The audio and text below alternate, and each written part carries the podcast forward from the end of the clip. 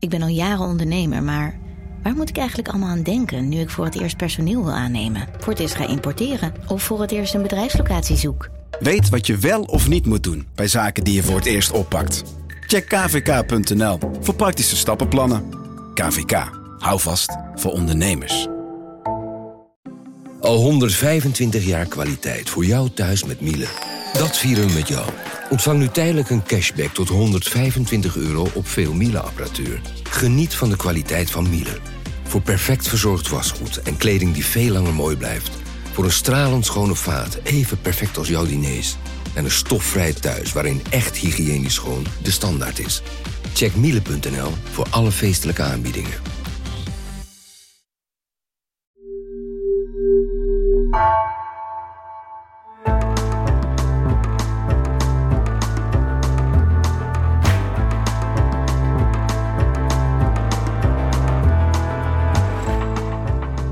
Het eerste lijk dat ik ooit zag lag netjes opgebaard in een uitvaartcentrum en het was nog steeds schrikken. De tweede die lag naast zijn brommer op de Melistokenlaan in een plasje bloed naast een busje waarop stond wij zijn de snelste van Den Haag. Die tweede was soort van traumatisch en veel meer heb ik er gelukkig niet gezien. Tegenover mij zit iemand die heeft honderden lijken gezien in alle staten van ontbinding met alle soorten sporen van geweld. En toch zegt Carina van Leeuwen dat ze de mooiste baan ter wereld heeft. Naast haar werk als forensisch rechercheur schrijft ze ook boeken, ook over misdaad en de laatste Magma verschijnt deze maand. Ik wil weten waarom dat zo'n mooie baan is.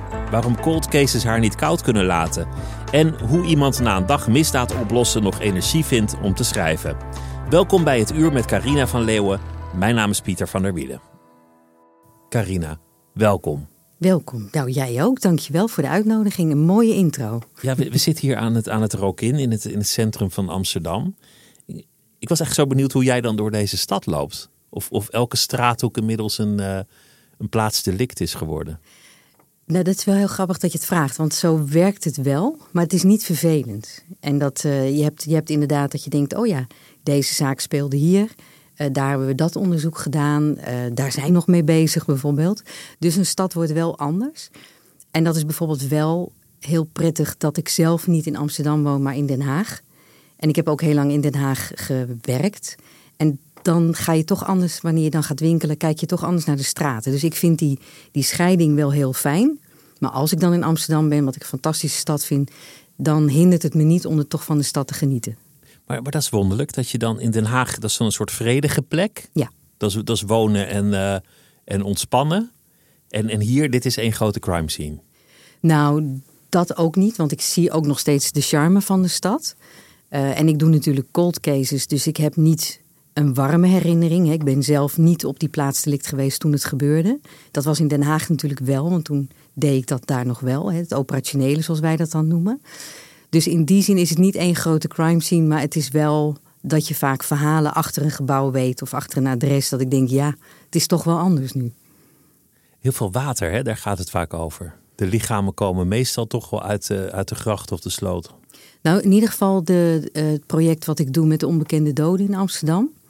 Uh, er belanden toch heel veel mensen inderdaad in de gracht. En ja, daar kom je niet altijd even makkelijk uit. Zeker niet als je een slok op hebt of te veel gedronken.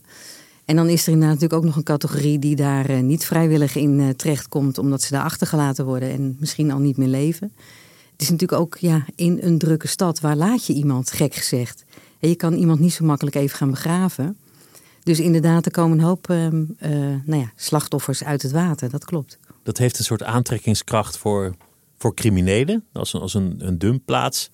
Maar ook voor dronken Engelsen die denken: Goh, ik moet nog even plassen, ik heb zoveel bier gedronken. En dan ja, flauw vallen of wat dan ook. En met een lul uit een broek weken later tevoorschijn komen. Nou ja, jij zegt het, maar inderdaad, het gebeurt regelmatig. Ja, ja. Hoe dramatisch ook, maar dan is dat wel meteen een teken met de gulp open van: oh ja, het is niet helemaal goed. We hebben er weer één. Ja. Maar goed, dan moet je wel verder kijken, want het kan ook in scène gezet zijn natuurlijk. Oh ja, dat zou, dat Ja, zou heel, ja, heel altijd- slim zijn van, van Ja. de, de crimineel. Precies. Maar wat, wat gebeurt er dan eigenlijk? En, en dan, dan, dan wordt er een lijk gevonden. Die moet eruit. Komt de politie erbij. Wat, voor circus wordt er dan meteen opgetuigd? Nou ja, als je het specifiek over het water hebt, dan is het natuurlijk inderdaad, uh, uh, als het kan, wordt dat door de politie of door duikers of door de brandweer of nou ja, in ieder geval een, een instantie zal, het slachtoffer uit het water halen. Um, en je wil natuurlijk het liefst op plaats delict al onderzoek doen aan het, uh, aan het slachtoffer. Nou, als dat kan, dan doe je dat al voor een deel op de waterkant.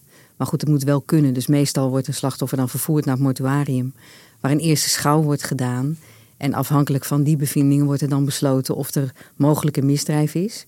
Of als het onduidelijk is, dan zal er sowieso van uitgegaan worden. Hè, want je kan beter afschalen dan opschalen. En dan in overleg met een officier van justitie wordt er verder onderzoek gedaan. Dus het kan zijn dat er dan een sectie wordt gedaan uh, of niet. Dat ligt heel erg aan de bevindingen. Meestal zal iemand toch wel een bankpasje op zak hebben of een rijbewijs of iets. En dan, dan zal het niet altijd even ingewikkeld zijn, zo'n zaak. Dat zou je denken, maar de ervaring leert. In, in Amsterdam um, zijn we nou, ruim tien jaar, tien jaar geleden begonnen met dat project uh, met onbekende doden die we wilden identificeren. Dat waren er ruim 100. Um, er zijn er nu 45 of 46, ik ben even de tel kwijt, excuus. Uh, die een naam hebben. En dan blijkt toch dat een heel groot deel inderdaad niks bij zich had. En dat komt voor een deel omdat we het over de jaren 90 hebben. Um, maar ook in deze tijd worden nog mensen gevonden die niks bij zich hebben. En dan blijkt soms ook wel dat dat heel bewust is. Dat ze niet geïdentificeerd willen worden of dat ze niet gevonden willen worden. En mensen die bewust naar Amsterdam komen om een einde aan hun leven te maken, bijvoorbeeld. Daar is toch een deel van die inderdaad helemaal niks bij zich heeft. Wat natuurlijk een drama is, want voordat je er dan achter bent. Uh, dus dat valt nog wel eens tegen. En zelfs al heeft iemand sleutels bij zich, ja, dan moet je het nog maar kunnen plaatsen. Er is dus een moment dat je het als politie moet opgeven. Hoe graag je dat ook niet wil, dat je gewoon moet zeggen: oké, we gaan begraven. Dit wordt een anoniem graf. We hebben geen idee wie deze persoon was. Ja, ja dat, dat voelt niet goed voor geen enkele collega. Dat merk ik ook als ik uh, nou, na twintig jaar uh, probeer te achterhalen welke collega's destijds erbij waren. als ze iemand toch geïdentificeerd hebben na 20 of 25 jaar. En dan blijkt dat ze bijna allemaal die zaak nog wel weten omdat het natuurlijk heel frustrerend is. Zeker als het een misdrijf is. Want als je niet weet uh, wie het slachtoffer is, dan wordt het ook heel erg lastig om de dader of daders te vinden. Maar sowieso, weet je, je gunt iedereen een naam. En je gunt ook met name de achterblijvers. Want het is natuurlijk een drama. Als jij niet weet waar je geliefde is, hè, waar je broer, je zoon, uh, vriendin, nou noem maar op. Als je niet weet waar die is en wat er gebeurd is. Ik denk dat dat een van de dingen is wat het ergste is wat je kan overkomen. Als ik kijk in de contacten die wij hebben met achterblijvers zijn het dan. Het feit dat je het niet weet, maar het leven gaat wel verder, letterlijk. Maar je wordt ook geconfronteerd met allerlei praktische zaken. Bij, wanneer iemand vermist is, dan stopt op een gegeven moment het inkomen van diegene. Maar je kan niet de hypotheek stoppen. En de zorgverzekering die moet betaald worden. Dus dat zijn alle praktische uh, nou ja, hele vervelende dingen waar ze tegenaan lopen. Maar het is ook een moeder die elke dag toch nog met een halve blik naar de deur blijft kijken. Precies. Of er niet wordt aangebeld. Of die niet terugkomt. Ja, en niet willen verhuizen. Want als die terugkomt, weet hij niet meer waar we wonen. En hele families die uit elkaar gerukt worden. Want er is nog maar één kind en dat is het vermiste kind. En, en ja, dat, dat zijn echt drama's. Ik denk dat dat onderschat wordt. En ik denk dat dat ook wel een van de redenen is waarom nou, in het boek wat ik dan nu geschreven heb in de serie Cold Case, dat ik meteen dacht, ik wil over een vermissing schrijven. En want dat zie ik natuurlijk in mijn werk. Het is maar een heel klein stukje van het werk wat ik doe. Want in die cold cases die wij onderzoeken, dat is eigenlijk bijna allemaal moord en doodslag. Dus dan weet je wie het slachtoffer is, je weet ook waar het lichaam is. Maar voor een deel worden ook wel de langdurige vermissingen en die onbekende doden, daar maken we tijd voor. Maar dat zijn wel degene, de, de, soort zaken denk ik die de minst aandacht krijgen. Maar het naar mijn idee wel veel meer verdienen. Dus ik dacht, ik wil daarover schrijven. Je, je schrijft in dat boek, er zitten heel veel verhaallijnen in en die hoeven we niet allemaal uh, te behandelen. Maar een van de dingen is twee zaken die gelijktijdig plaatsvinden. De een is de, gaat over het, het kind van een minister en de andere over iemand die een veel lagere maatschappelijke status heeft. Ja. Is, is dat eigenlijk iets wat aan de hand is?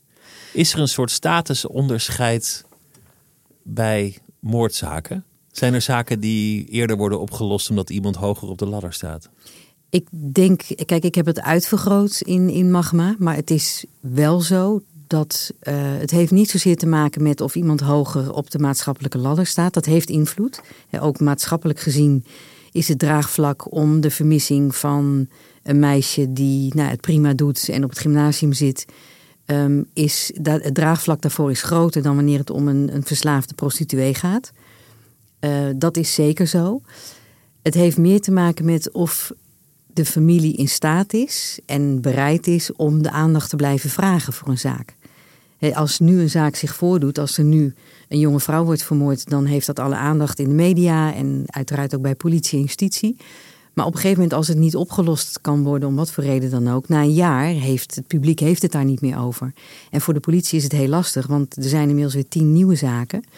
Dan helpt het natuurlijk als familie en vrienden de aandacht blijven vragen. Maar dat moet je wel kunnen.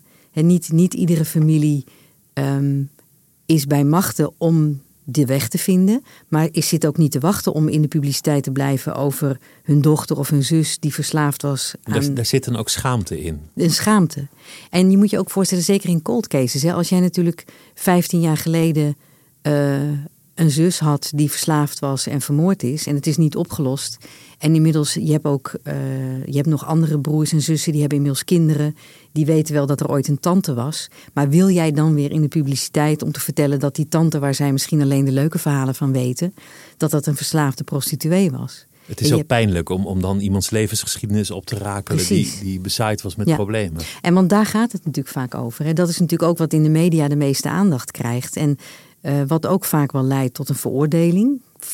binnen, soms, ik wil niet zo zeggen binnen de media, maar toch ook wel in de publieke opinie van oh, het was maar een prostituee, dan moet je dat maar niet doen, dan moet je je niet in die wereld begeven.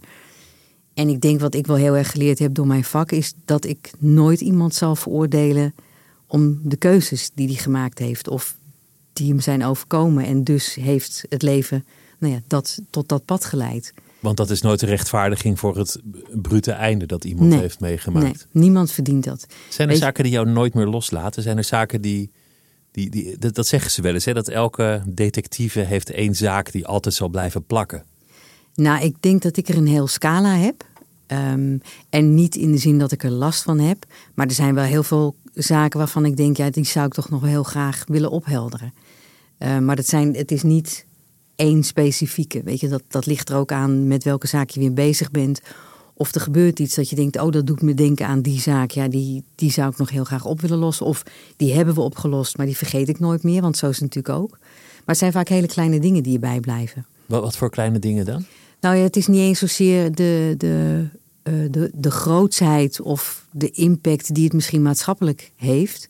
Maar het kan het gesprek zijn met een nabestaande of iets wat je in die woning hebt gezien dat je bij een, een, een, zaak komt waar een moeder vermoord is en je komt uit onderzoek doen en je ziet de rolschaatsen van de kinderen staan. Dat kan zo'n plaatje zijn in je hoofd wat altijd bijblijft.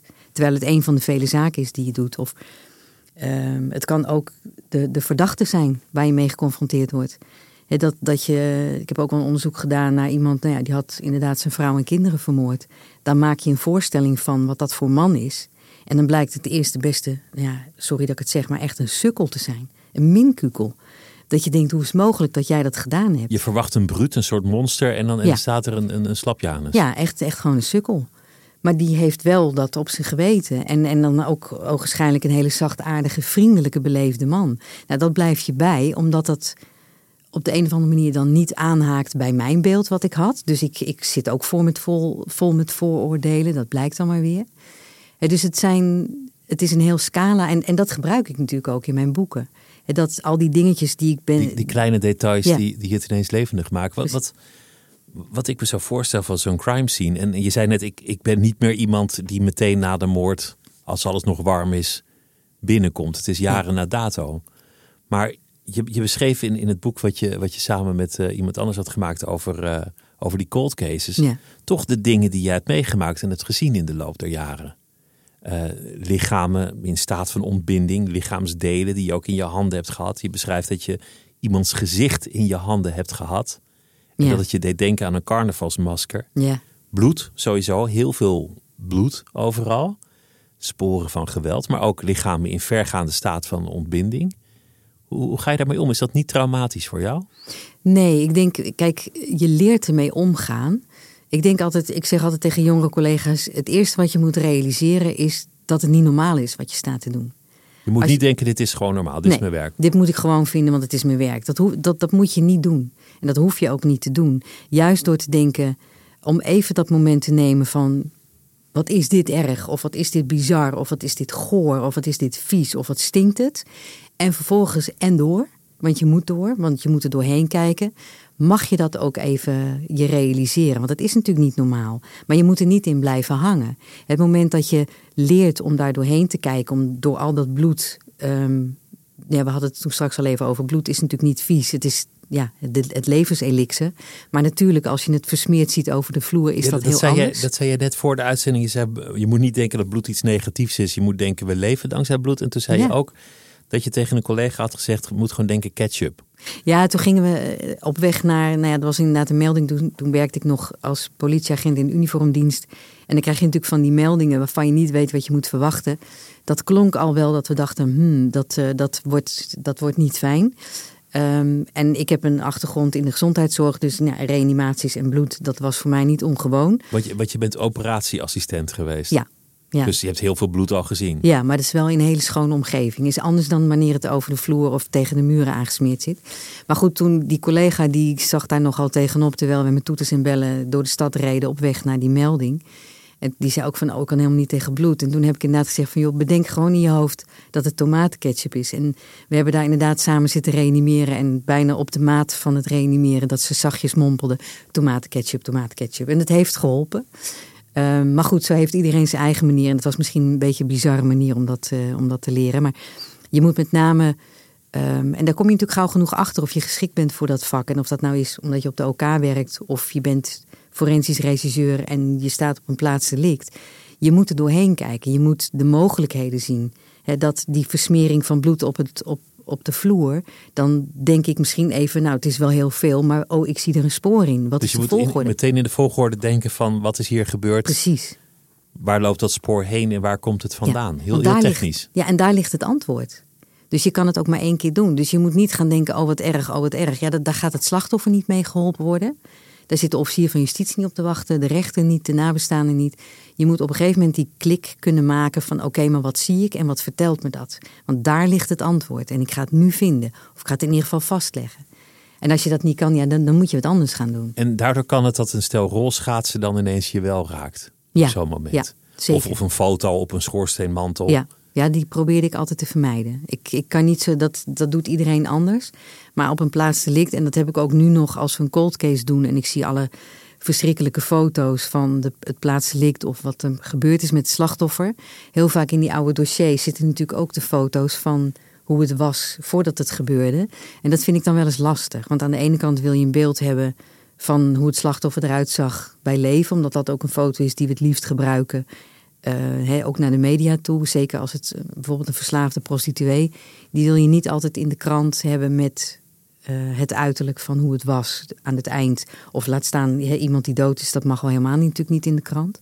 Maar ik vind het dan wel eens lastig om de blije vakantiefoto's of de blije familie te zien. Terwijl ik daarnaast ook de foto's zie hoe het nu is. Ik, dat vind ik dan lastig.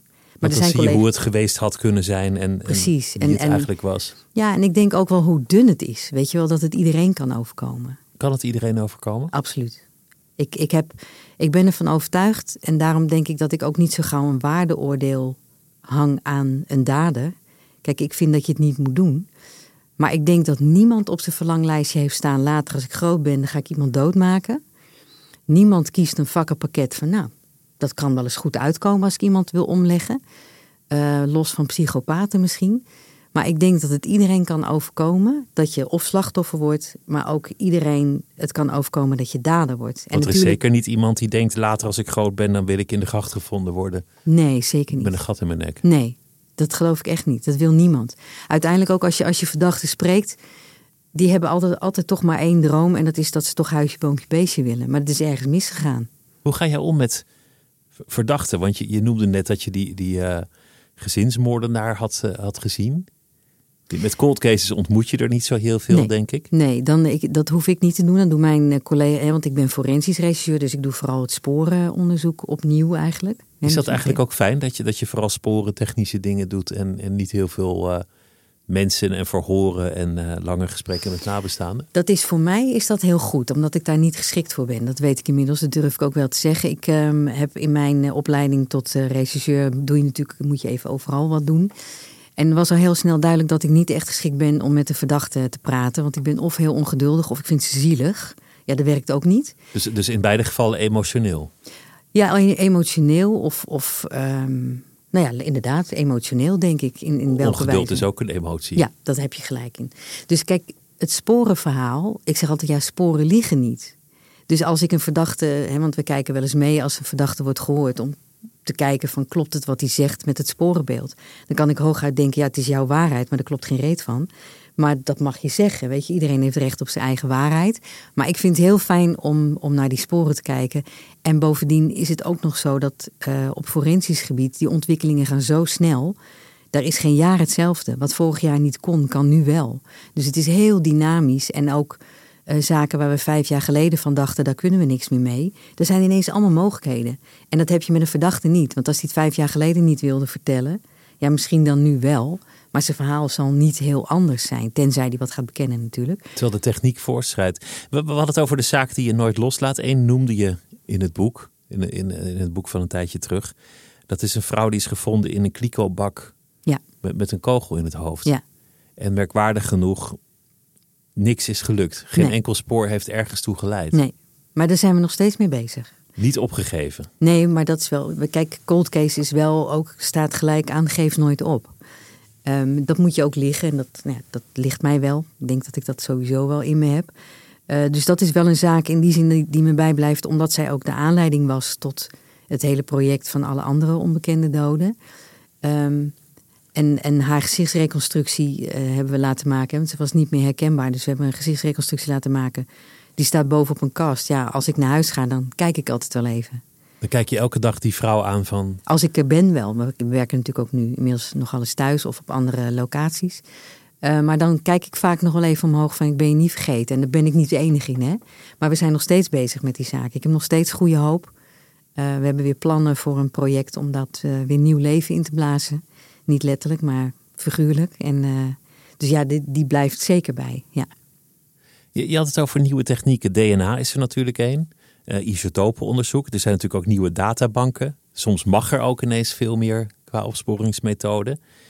Ik, ik had altijd een beeld zoals de meeste mensen van... Uh, je, je, je stopt iets in een, in een laptop en dan gaat die laptop heel erg rekenen en dan komt er een match uit. Ja. En die laptop staat aangesloten op alle DNA dat waar ooit ter wereld is opgevangen van iemand. Ja, ja wij dromen ook van die laptop. Maar die laptop bestaat helemaal niet. Nee, niet, niet zo. Zoals op tv, uh, wij noemen dat het CSI-effect. Dat heeft ook hele positieve uh, uh, gevolgen gehad. En toen ik begon, als, toen heette het nog technisch regisseur, toen waren er eigenlijk helemaal nou, bijna geen vrouwen die dat deden. En door de tv-serie is het een heel populair vak geworden. Uh, zijn er ook opleidingen buiten de politie, onder andere de Hogeschool van Amsterdam. Nou, daar geef ik ook nog gastcolleges. En dan sta ik voor zo'n collegezaal met 70 studenten en er zitten 50 vrouwen bij, weet je wel. Dus dat is, dat is een heel positief effect. Het negatieve effect is dat mijn collega's van de tactische recherche, die dus niet zo heel erg thuis zijn in het DNA-gebeuren, vaak denken dat wij dat ook allemaal kunnen. Maar die ene laptop waar alles in staat en binnen drie minuten ook het liefst een 3D-model van hoe iemand eruit ziet, met zijn bankrekening erbij en de camerabeelden van vier weken geleden, daar droom ik van. Maar je weet het niet. Misschien over een paar jaar hebben we het. Ik weet het niet. Maar waarom is dat er niet? Is dat, is dat wettelijke beperking, technische beperking? Gebrek een, aan prioriteit? Of kan het gewoon niet? Het is een combinatie, denk ik. Kijk, uh, juridisch uh, mogen en kunnen gewoon een aantal dingen nu nog niet. Maar dat kan een kwestie van tijd zijn. Daar moet je genoeg draagvlak voor hebben. En Steekt dat? Vind, vind je dat vervelend? Nou, het, is, het frustreert vaak. Omdat ik... Kijk, bijvoorbeeld verwantschapsonderzoek... wat we nu heel gewoon vinden... wat sinds 2011 mag... dat wilden wij al in 2005 of in 2006. Maar dat mocht niet. Maar dan hadden we al veel eerder... een aantal zaken op kunnen lossen. En, maar je snapt ook dat daar heel goed over na wordt gedacht. Kijk, ik ben een rechercheur... Dus ik denk altijd vanuit het oplossen van een zaak. Maar de politiek en ook de maatschappij denkt natuurlijk veel meer vanuit: ga ik daar last van hebben? Wat doet dat met mijn privacy? Omdat ze ook vaak toch niet heel goed weten wat er achter de schermen daardoor niet kan. Maar het is natuurlijk heel goed dat daar een evenwicht in is. Dus soms frustreert dat, maar ik snap het wel. En soms wil ik het niet begrijpen, weet je. Maar dat komt omdat ik dan vanuit een zaak denk. En soms is het technisch ook niet mogelijk. Ehm, maar ik denk wel dat die ontwikkeling gaat zo hard. En de maatschappelijke draagvlak voor een aantal juridische stappen, die wordt natuurlijk steeds groter. Want in de jaren negentig, toen het begon met DNA, toen, toen waren heel veel mensen heel straf op die privacy. Toen zeiden ze, ja, maar straks weet, weet de overheid precies welke gewoontes en eigenschappen en ziektes ik heb. Terwijl, terwijl dat natuurlijk niet echt de toepassing is. Maar er was toen wel een soort abstracte angst voor alles wat met DNA te maken had. Dat, dat snap ik ook. En dat heeft ook te maken met dat het soms ook zo wordt gebracht. Uh, en de media heeft daar soms ook wel invloed op. Um, wie ze aan het woord laten om het uit te laten leggen. Maar ik denk inmiddels dat er wel zoveel bekend is over. Kijk, het DNA wat justitie gebruikt is eigenlijk alleen maar een lang telefoonnummer. Dit is een, een, serie getallen wat, wat jouw DNA-kenmerken uitdrukt. En dat staat in de databank en daar staat verder niks bij. We zien alleen maar of je een mannetje of een vrouwtje bent en voor de rest niet. Alleen er is natuurlijk inmiddels nu juridische ruimte voor meer dingen waar vaak discussie over is, wat ik ook wel begrijp. Dat verwantschapsonderzoek is natuurlijk eigenlijk in tegenspraak met um, het verschoningsrecht. En daar bedoel ik mee dat als jouw broer is aangehouden, dat jij niet verplicht bent om over je broer te verklaren wat hem in de problemen kan brengen of wat hem in een eh, kwaad daglicht kan stellen. Maar het moment dat jouw DNA in de DNA-databank zit en wij zoeken met een spoor wat door jouw broer is achtergelaten, gaan we hem toch via jou vinden. Nou, daar is inmiddels ruimte voor. Uh, daar is ook maatschappelijk draagvlak voor. Uh, dus ik snap die discussie. Alleen wat ik zelf altijd heel grappig vind, is dat iedereen alles met zijn telefoon deelt. Het liefst ook dat de hele wereld het ziet. Maar ook als je het niet ziet, je hebt overal je telefoon bij je. In die telefoon staat veel meer over wie jij bent en waar je geweest bent en wat je voorkeuren zijn, dan dat wij ooit uit dat DNA kunnen halen. Aan DNA kan ik niet zien of jij gisteren koffie hebt gedronken bij de koffieshop of dat ik hier vandaag ben. Dat kan ik niet zien aan DNA, maar in mijn telefoon wel. En dat vindt iedereen maar heel gewoon en vindt het nog leuk ook, want we gooien het op social media. Kijk eens waar ik ben. Nou ja, dat zijn ook weer allemaal cadeautjes voor de recherche natuurlijk. Als mensen zelf op Facebook zetten waar ze ja. koffie, koffie, drinken. Nou mogen wij daar ook niet altijd alles mee doen. Hè? Dus dat, dat wordt ook nog wel eens uh, onderschat. Dat wij wel overal 35 formulieren voor in moeten vullen. He, want ook in, dat, in die befaamde laptop, waar je meteen alle bankrekeningen van iemand ziet, nou dat hebben wij ook niet hoor. Dat kunnen we echt niet zien. Is, is het werk eigenlijk veel bureaucratischer dan het lijkt? In de zin van, zeker met cold cases, dat je gewoon van archief naar archief loopt. Probeert overal informatie te ontsluiten. Kijken wat kan waar nog in een dossier zitten. Welke dienst heeft misschien welk stuk informatie nog. Dat je eigenlijk vooral bezig bent met instanties en collega's aanschrijven op zoek naar weer een puzzelstukje. Zeker, dat is een heel groot deel van, van cold case werk. Het is allemaal niet zo dynamisch als die 50 minuten waarin ze het op televisie doen. Um, dus je, het moet je ook liggen. Je moet ook een beetje cold case in je DNA hebben, zeg ik altijd. Niet alle regisseurs vinden het leuk. Je moet uh, zitvlees hebben, je moet geduld hebben, je moet creatief zijn in oké, dit is nooit gedaan. Hè. Juist in cold case proberen we heel veel technieken uit wat nog nooit gedaan is. Um, ja, je moet er op een andere manier naar kijken. Je moet daar ook de sport in zien om, ik noem het altijd een soort schatkaart die je volgt van we hebben toch weer wat gevonden. En dat kunnen sporen zijn, dat kunnen foto's zijn, een dossier, maar ook een nieuwe techniek. En, en dat, dat helpt denk ik ook wel weer bij het schrijven van boeken. Moet je dat natuurlijk ook hebben. dat, dat je, ehm, kijk wat ik voor mijn werk opschrijf is in processuaal taal en daar mag ik geen eigen beleving aan geven.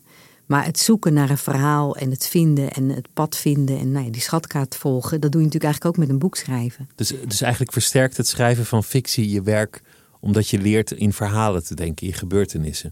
Ja, je gaat meer in gebeurtenissen denken. Kijk, als forensisch regisseur ga ik, je denkt wel in scenario's, maar dat is echt gebaseerd op feiten.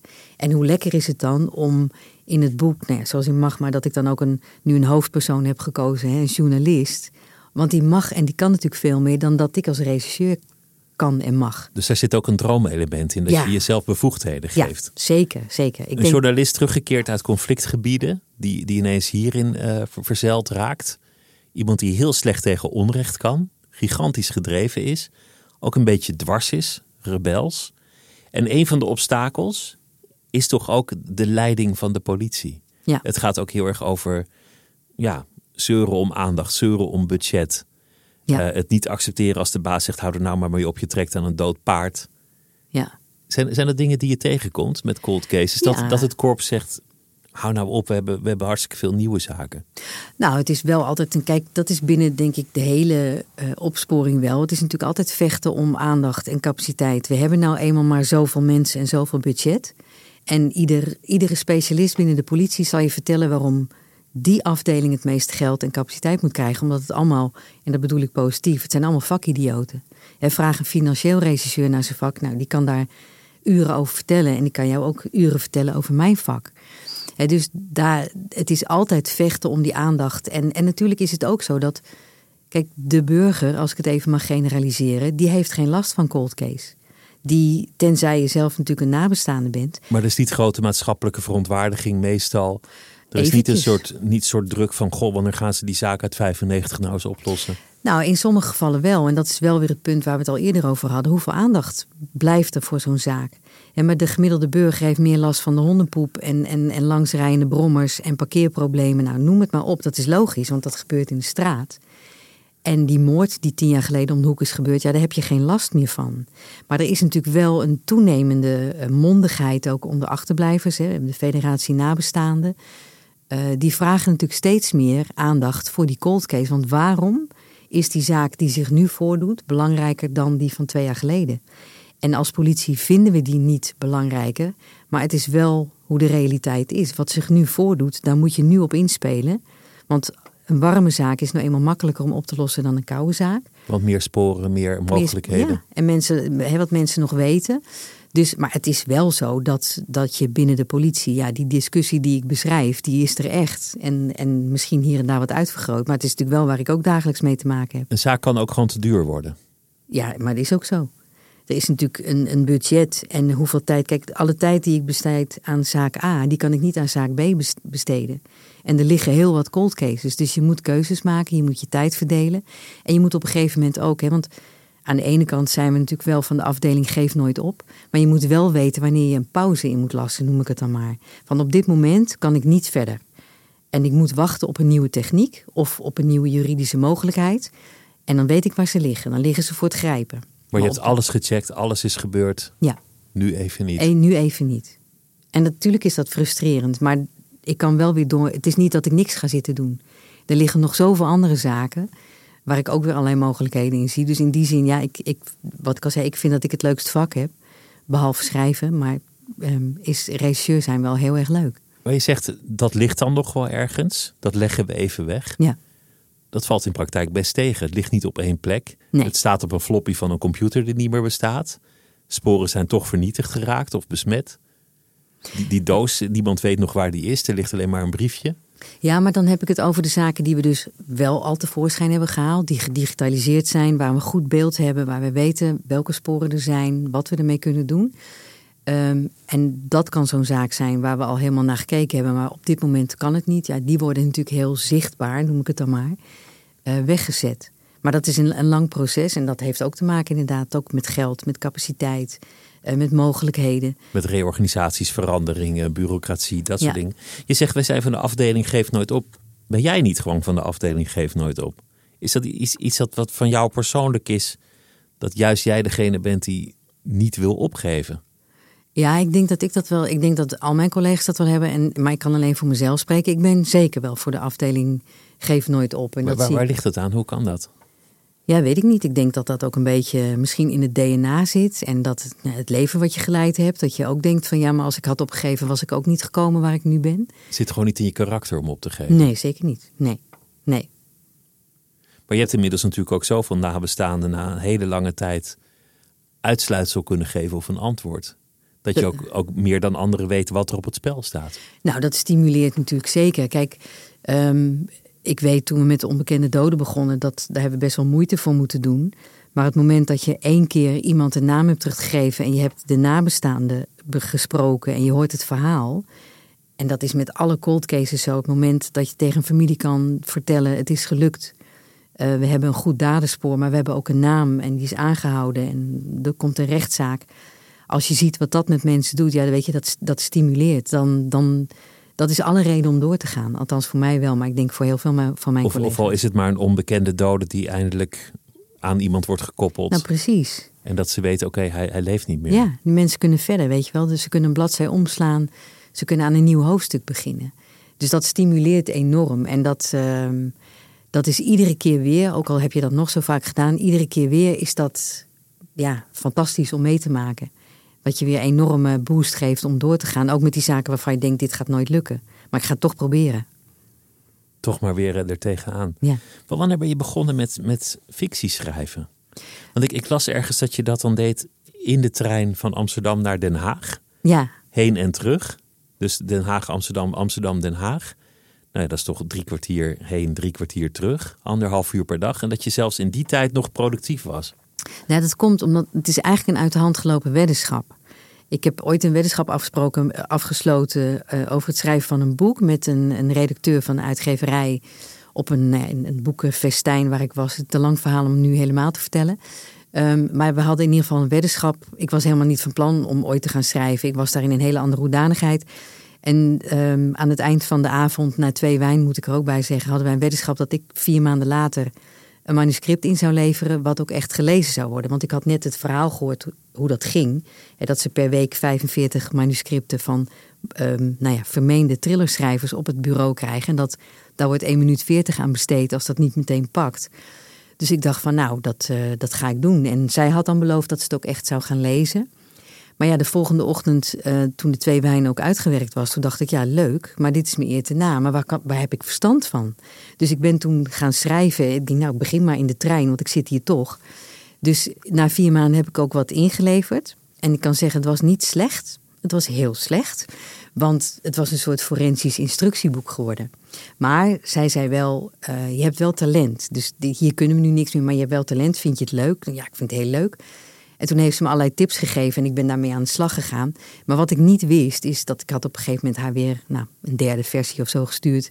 Dat het daadwerkelijk op het bureau van de redactie was terechtgekomen bij AW Bruna. En die belde op een gegeven moment, eh, nou, en ik verstond helemaal niet wie ik aan de lijn had. Ik hoorde alleen Bruna.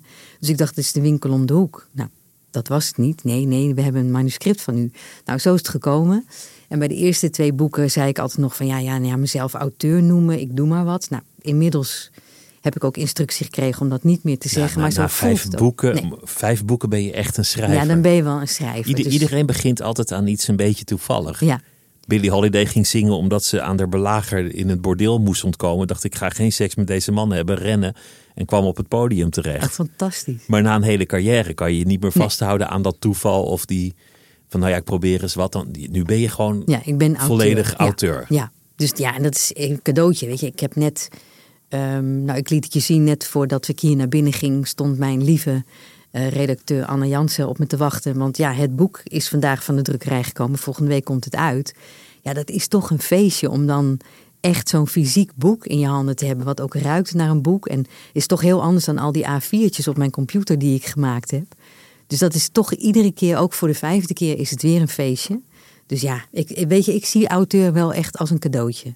Dat ik dat mag doen, dat vind ik echt geweldig. Je hebt nu een nieuw personage wat, wat weer goed zal zijn voor een hele reeks, Ja, denk ik. ja. Eh, Daar kan je wel even mee door. Ja, Een, een eh, conflictgebieden journalist terechtgekomen in de forensische opsporing. ja. Met meer vrijheid dan een rechercheur. Het is, het is een beetje een fantasie. Het is een beetje een verlengstuk van jezelf. Ja, ik denk wel, kijk, was ik geen forensisch regisseur geworden, was ik misschien wel journalist geworden. Of, en dan ja, oorlogscorrespondent, dat, dat trekt dan wel.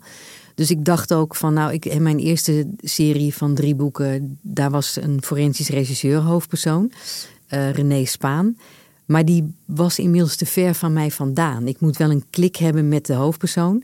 En René Spaan blijft ergens tussen de 35 en de 40 en staat nog op een plaats delict. Nou, ik ben inmiddels eh, pak een beetje 30 jaar ouder eh, bijna. En ik sta niet meer op die plaats delict. Dus ik wilde sowieso een persoon die dichterbij stond. En aan de andere kant wilde ik veel meer vrijheid. Ik wilde los van dat recherchejuk, zou je bijna zeggen. En toen dacht ik van, nou ja, het werk lijkt er wel op. Want je doet ook onderzoek. Hè. Je wil waarheidsvinding. Wie heeft wat gedaan? Eh, Wanneer is het gebeurd? Maar dan net even met wat meer ruimte. Ehm, en ook iemand die zich niet aan al die conventies en regels hoeft te houden waar je als regisseur wel aan moet houden, maar dan wel dicht bij zo'n politieteam om dat, dat contrast wat meer te laten zien. Dus ja, ik heb daar wel van genoten. Dat conflictgebied is ook een mooie vondst. Want ze zegt aan het begin, een kogel die je hoort fluiten, die is al te laat. De kogel die jou raakt, die hoor je niet Ja. fluiten. Dus als je een kogel hoort fluiten, dan zit je goed. Ja, Dat, dat vond ik een heerlijk ontnuchterende opmerking. Maar het is dus wel iemand die, ja, die gehard is door, door aan de randen van de menselijkheid te zitten. Ja. De, de plekken waar een leven niet zoveel ertoe doet. Ja, en, ook, en ik denk dat dat ook een overeenkomst is. Dat je, en dat weet ik niet, want ik ben geen journalist en zeker geen oorlogscorrespondent natuurlijk. Maar um, ik heb er natuurlijk best wel veel over gelezen. Ook over nou ja, het boek over Marie Colvin, die in Syrië is doodgeschoten. En onze eigen Minka Nijhuis. En je ziet natuurlijk, ik denk dat een journalist, zeker zo internationaal, natuurlijk ook wordt geconfronteerd met de rafelranden van de wereld zelfs. Ik word er alleen maar in Nederland mee geconfronteerd. Maar de rafelrandjes en uh, mensen die daar niet voor gekozen hebben, maar wel in de situatie terechtkomen. Dus dat spreekt mij ook wel aan. Dat, dat moet je ook op een bepaalde manier raken. En je moet er ook afstand van kunnen nemen. Want anders kan je er ook niet over schrijven. Maar het moet wel zo dichtbij kunnen, kunnen komen dat je er met invoeling over kan schrijven. En dat is natuurlijk het mooie wat ik in het boek kan doen. Als, als regisseur kan het niet, het is allemaal ambtelijk. Maar dat is natuurlijk het mooie als je auteur bent, dan kan je. Dan kun je, aan die karakters wennen, aan, die, aan die psychologie. Ja, ja, want het is voor mij ook echt wel een persoon geworden. Weet je, je moet een tijdje nadenken. Maar Lynn Riley, de hoofdpersoon in Magma, is voor mij wel echt iemand die bestaat. Die zit in mijn hoofd. En het heeft een tijdje geduurd, maar op een gegeven moment Um, nou, voor de, voor de luisteraars, ik ben 1 meter 6 of 57 en ik heb Lynn Riley ruim 1 meter 80 gemaakt. Om ook eens te weten hoe dat is. Nou, dat is natuurlijk fantastisch. Is gewoon een soort fantasie. Hoe zou het zijn als ik boven iedereen uittoren? Ja, maar toen kreeg ze ook echt body, weet je wel. Toen zag ik ook hoe ze eruit zag, hoe ze zich gedroeg. Uh, ze heeft altijd sigaretten bij zich die ze nooit opsteekt. Uh, ze, ze houdt wel van een whisky. Ze heeft dan altijd een lange leren jas aan. Maar dat is ook echt zo. Het is alsof uit de mist die persoon naar mij toe komt lopen en die is er gewoon. Dus daar kan ik ook niet meer omheen. Die gaat ook echt bepalen in de, in de volgende delen die nog gaan komen hoe het gaat. En dat is natuurlijk fantastisch, een soort tweegesprek wat je hebt. En ik schrijf het op. En misschien klinkt dat heel schizofreen, dan is dat maar zo. Ik ben niet gevaarlijk, maar het is echt heel prettig. Is, is jouw lengte een, een, eh, probleem geweest bij de politie ooit? Dat, dat mensen zeiden, uh, ga eens opzij. Uh, of, of dat, dat ze je niet zagen staan of, of dat nou, soort dingen? dat ben ik wel gewend. Maar dan, dan kwek ik me daar wel doorheen, zou ik maar zeggen. Ik maak wel meer geluid. Want je, je bent wel, ik vind je wel een charismatisch persoon. Dus, dus ja, die, die, ja nee, ik dat meen ik. helemaal groter te worden hier. Nou, weet je, het, het, het probleem of uitdaging bij de politie was... is dat ik eerst niet bij de politie kon omdat er een uh, soort, soort minimale lengte ja, vereist was. Het was een minimale lengte. Je moest uh, 1,65 meter zijn. Nou, dat haal ik ook niet om mijn tenen. Dus ik ben ook heel laat naar de politie gegaan. Ik was 32. Toen waren al die uh, eisen, want ik was op een gegeven moment ook te oud. Dus ze hadden minimumlengte en maximum leeftijd. Nou, dat is allemaal afgeschaft. En toen ben ik aan de politieopleiding begonnen. Maar het was al duidelijk dat ze niet op mij gerekend hadden. Want ze hadden geen uniform in mijn maat en mijn schoenen niet. En nou, het vuurwapen waar je mee leerde schieten, de Walter P5, is echt wel gemaakt voor een mannenknuist. Maar ja, weet je, ik weet niet hoe het is om 1,80 meter te zijn. Dus ik heb me daar prima doorheen geslagen. En ik ben natuurlijk niet de enige die niet zo groot is. En op straat heb ik er nooit problemen mee gehad. Want de burger, als ik het zo mag zeggen, die ziet een politievrouw. En ik kom helpen. En dat is soms in negatief zin. Ik heb ook wel met collega's een kroeg leeggehaald. Ja, mij doen ze niks. Het is helemaal niet spannend. Het is helemaal niet stoer om een klein wijfje in elkaar te slaan. Mijn grote collega's, dat is veel stoerder om die uitdaging aan te gaan. Zeker als iemand een slok op heeft. En bij bijvoorbeeld problemen achter de voordeur, dan werk je ook een soort de-escalerend. Want ja, er staat een klein politieagentje en die, die, die wil wel naar mij luisteren. dus het is een, ik heb er nooit problemen mee gehad. En het is natuurlijk soms onpraktisch. Als je, uh, ik heb ook wel een meneer gehad en dat was echt helemaal grappig. Die ging voor mij op zijn knieën zitten omdat ik hem in de handboeien moest doen, omdat ik anders niet zo goed bij kon. Dat is wel behulpzaam. Dat is heel behulpzaam. En dat kan natuurlijk ook anders. Hè. Kijk, ik heb ook wel te maken gehad met geweld, maar dan, dan waren het toch wel psychiatrische patiënten. En dan is het natuurlijk niet handig als je heel klein bent, want dan wordt het een soort dwergwerpen. Maar dan weet je op een gegeven moment ook wel van ja, dit moet ik niet doen, dit moet ik aan collega's overlaten. Ik moet het praten doen.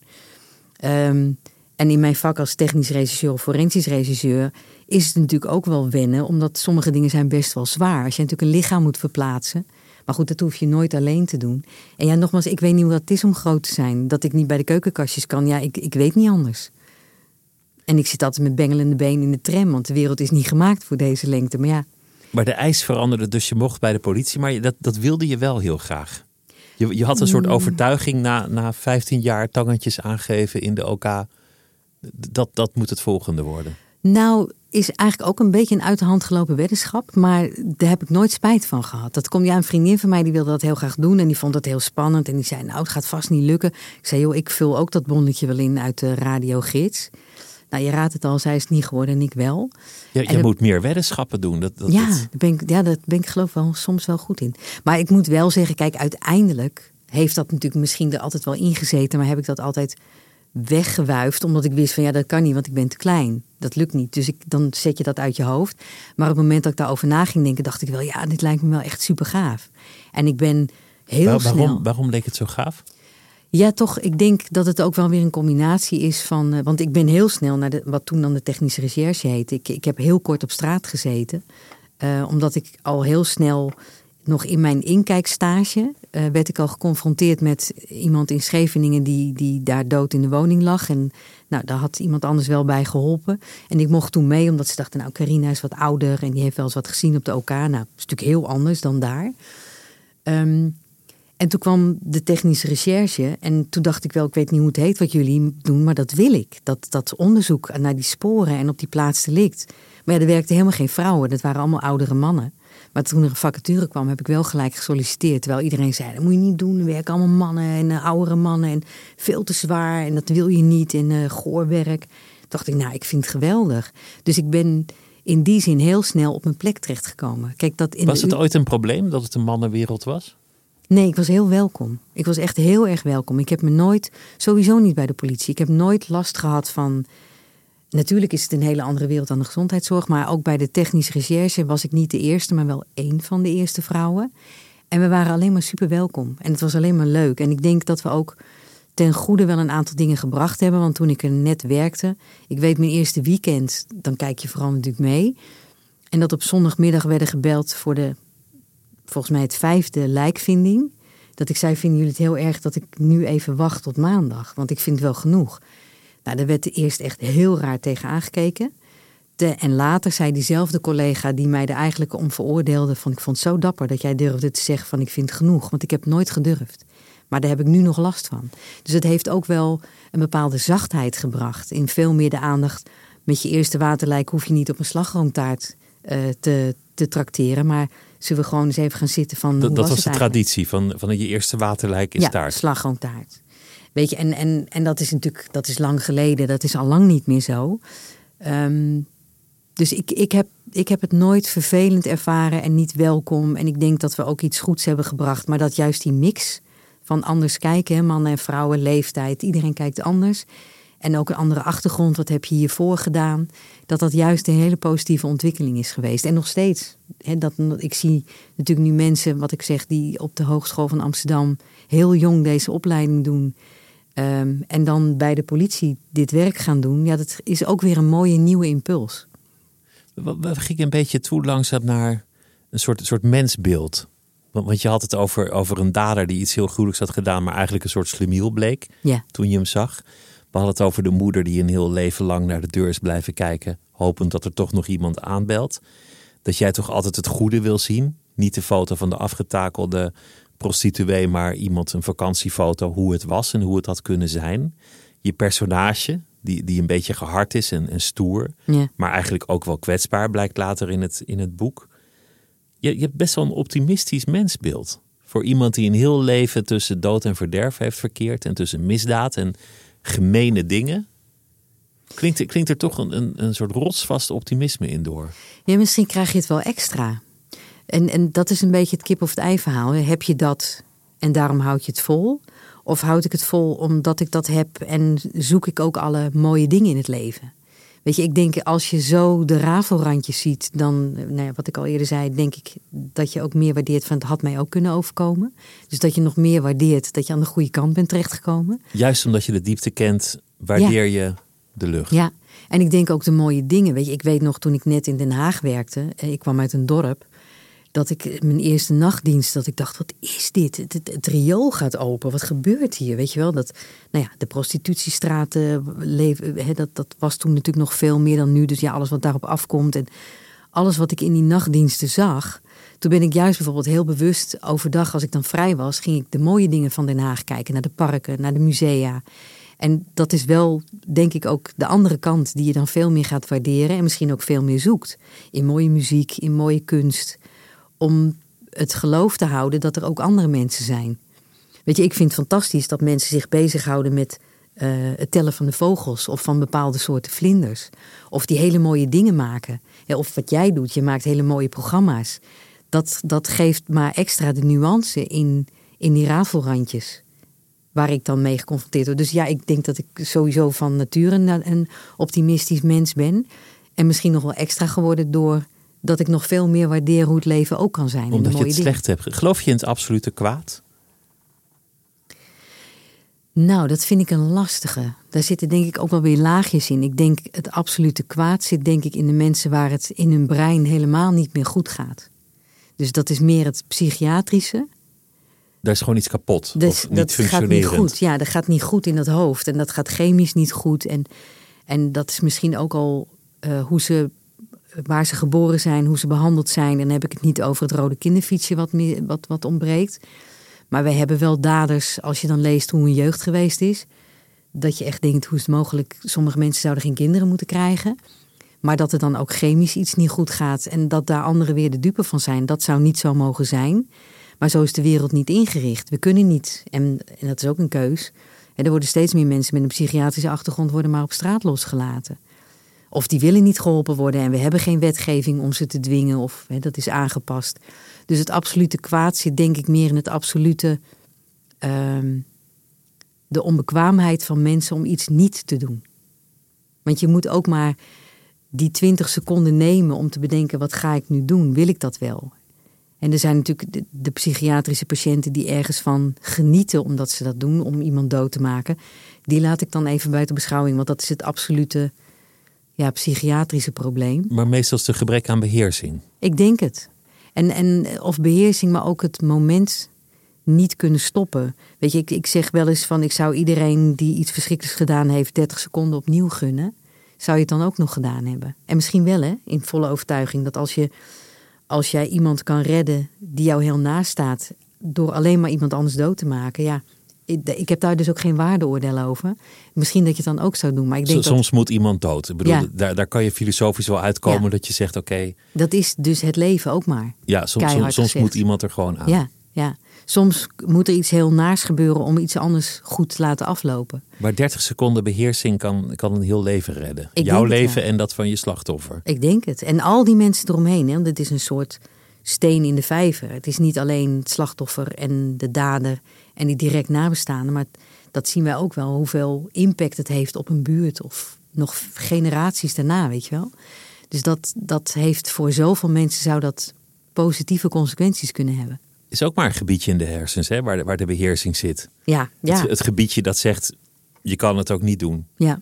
Het zou ook wel met drank te maken hebben. Drank is meestal iets wat beheersing niet heel veel groter maakt. Ja, drank en drugs en emotie dat, dat, hoeveel mensen zijn er niet die naar rellen zeggen: Nou, ik snap niet dat ik dat gedaan heb. Die ook mee worden genomen in, in de hectiek van dat moment. Nou, dat kan van alles zijn. Dat kan in een menigte zijn, waardoor je die steen door de ramen gooit of, of naar een politieagent of iemand wat doet. Maar dat kan ook één op één zijn in een relatie. Dat je toch iemand iets doet waarvan je later denkt: Hoe heb ik dat kunnen doen? Dus dat is meer onbekwaamheid dan slechtheid? Ja, ik geloof ook niet zo in, in slechtheid. Ik geloof toch veel meer in mensen die, ja, waar het in het hoofd toch anders gaat dan dat wij met z'n allen zouden willen. Uh, waardoor ze dingen doen. En dat helpt denk ik ook wel. Kijk, in de politiek zijn nu toch op dit moment wel mensen waarvan je denkt, ja, dat is de absolute slechtheid. Maar dan denk ik ook, ja, maar volgens mij ben je gewoon niet goed in het hoofd. Er is ergens iets niet goed gegaan, heb je het verkeerde pad gekozen en chemisch gaat het niet goed. Maar dat helpt denk ik ook wel, weet je. Het absolute kwaad, ja, als je dat toelaat, dan, dan is er ook een soort geen weg terug. En die is er niet, maar je kan ook niks meer goed maken. Er zit een spoor van slechte en gekte in iedereen natuurlijk. Ja, absoluut. Ja. Dat, dat zei je al. Alles kan iedereen gebeuren uiteindelijk. Kan jij wel met pensioen? Want, want je komt bijna op die leeftijd dan. Zat ik snel te rekenen. Ja, ik, uh, ik uh, ben uh, inmiddels 63. Ja, ik, ehm, kijk, het komt in zicht. En ik zeg ook nooit, ik moet nog zoveel jaar. Ik vind nog steeds, ik mag nog zoveel jaar. Maar ik ben me wel bewust dat ik, ja, ik noem het maar, ik ben een beetje aan het uitkijken waar de landingsbaan is. Zodat ik een beetje die landing in kan gaan zetten. En dat is en voor mezelf, want ik wil niet van de ene dag op de andere dag stoppen. Dat lijkt me niet goed, hoewel ik zat te doen heb natuurlijk. Want ja, ik schrijf en ik speel gitaar en ik piano probeer ik te spelen. En zo heb ik nog heel veel andere dingen die ik leuk vind. Maar ook wel een beetje voor de omgeving, dat het ook wel tijd wordt om wat jonge mensen aan mij te gaan koppelen. Wat ook wel gebeurt hoor, maar om dingen over te gaan nemen. En dat vind ik ook goed. Hè? Op een gegeven moment moet het niet zo zijn dat ik alleen maar uh, met de nieuwe dingen kom. En ja, in het land der blinden is één hoog koning. Ik, ik ben nou eenmaal een van de mensen die het langst bij Cold Case werkt. Maar ik vind het heel mooi als de jeugd het over gaat nemen. Die hebben ook weer veel mooiere ideeën, creatievere ideeën. Um, dus ik moet wel de landing in gaan zitten. Maar ik heb alle vertrouwen in dat er, er zijn talenten genoeg die ook al bezig zijn. Die gewoon mijn plek in kunnen nemen. En dat gaat prima. En je blijft gewoon schrijven? Ik blijf wel schrijven. Ja, nog zoveel verhalen in mijn hoofd. Dat, uh, moet, dat moet er nog wel uit. Het valt me op in de podcastwereld, de literaire wereld, tv-series, dat misdaad ongelooflijk meer dan ooit blijft fascineren. We Ja. hebben allemaal een honger naar misdaadverhalen. Ja, dat heeft mij Bijna ook... luguber. Wat, wat Ja. is dat eigenlijk? Nou ja, ik heb daar nooit, eh, dat heb ik ook nooit echt helemaal begrepen. Maar ik denk dat het ook mee te maken heeft, is eh, er toch een beetje tegenaan kunnen schuren, een beetje mee kunnen kijken zonder dat het jou overkomt. En dan ook iedere keer kunnen denken, ja, maar het is maar een boek of het is maar een film. Eh, en toch de fascinatie, weet je, heel veel mensen willen natuurlijk toch regisseur zijn. Dus ik denk dat het daarmee te maken heeft. ehm, waarom mensen daar toch door gefascineerd zijn. Dat zie ik ook, weet je. We krijgen heel veel aanbiedingen van mensen die willen helpen met cold cases. Maar aan de andere kant snap ik niet dat mensen bijvoorbeeld een fictieboek lezen waar je helemaal in detail leest hoe iemand wordt afgeslacht. Dat begrijp ik niet. Maar dat zal ook een fascinatie zijn van ik lees het wel, maar het is niet echt en het gebeurt mij niet. Maar is, is dat dan het cultiveren van je angsten? Of juist het bezweren van je angsten? Of fascinatie voor de afgrond? Of het, eh, de Ja, plek dat- waar alles ertoe doet? Ja, dat zou je aan de mensen moeten vragen die dat zo fascinerend vinden. Kijk, voor mij is het werk. Dus oh, ik heb ook een bepaalde fascinatie, want anders zou ik het niet doen. Maar ik denk dat bij mij de fascinatie er vooral in zit van hoe kan ik het oplossen? Dus wat zie ik, weet je wel? Waar, waar kunnen we wat mee doen? En hoe kan ik het een beetje goed maken voor de achterblijvers en de slachtoffers? Want daarom doe ik het. En, en, En als de- je schrijft, dan, dan gaat het toch over andere dingen. Ja, maar ik denk dat dat de combinatie is van alles wat al die kleine dingetjes die zijn blijven hangen. En dan toch verhalen die ik daar omheen kan verzinnen, wat ik er dan uit wil laten komen. Maar ook wel om ergens aandacht voor te maken, eh, vragen. Zelfs in, in, in een fictieboek, zoals in Magma, gaat het natuurlijk heel erg over die langdurige vermissingen. En de aandacht die ze niet krijgen en wat dat doet. Dus door fictie te schrijven kan ik toch aandacht vragen voor een onderwerp wat mij heel na aan het hart ligt. En waarvan ik vind dat beter kan.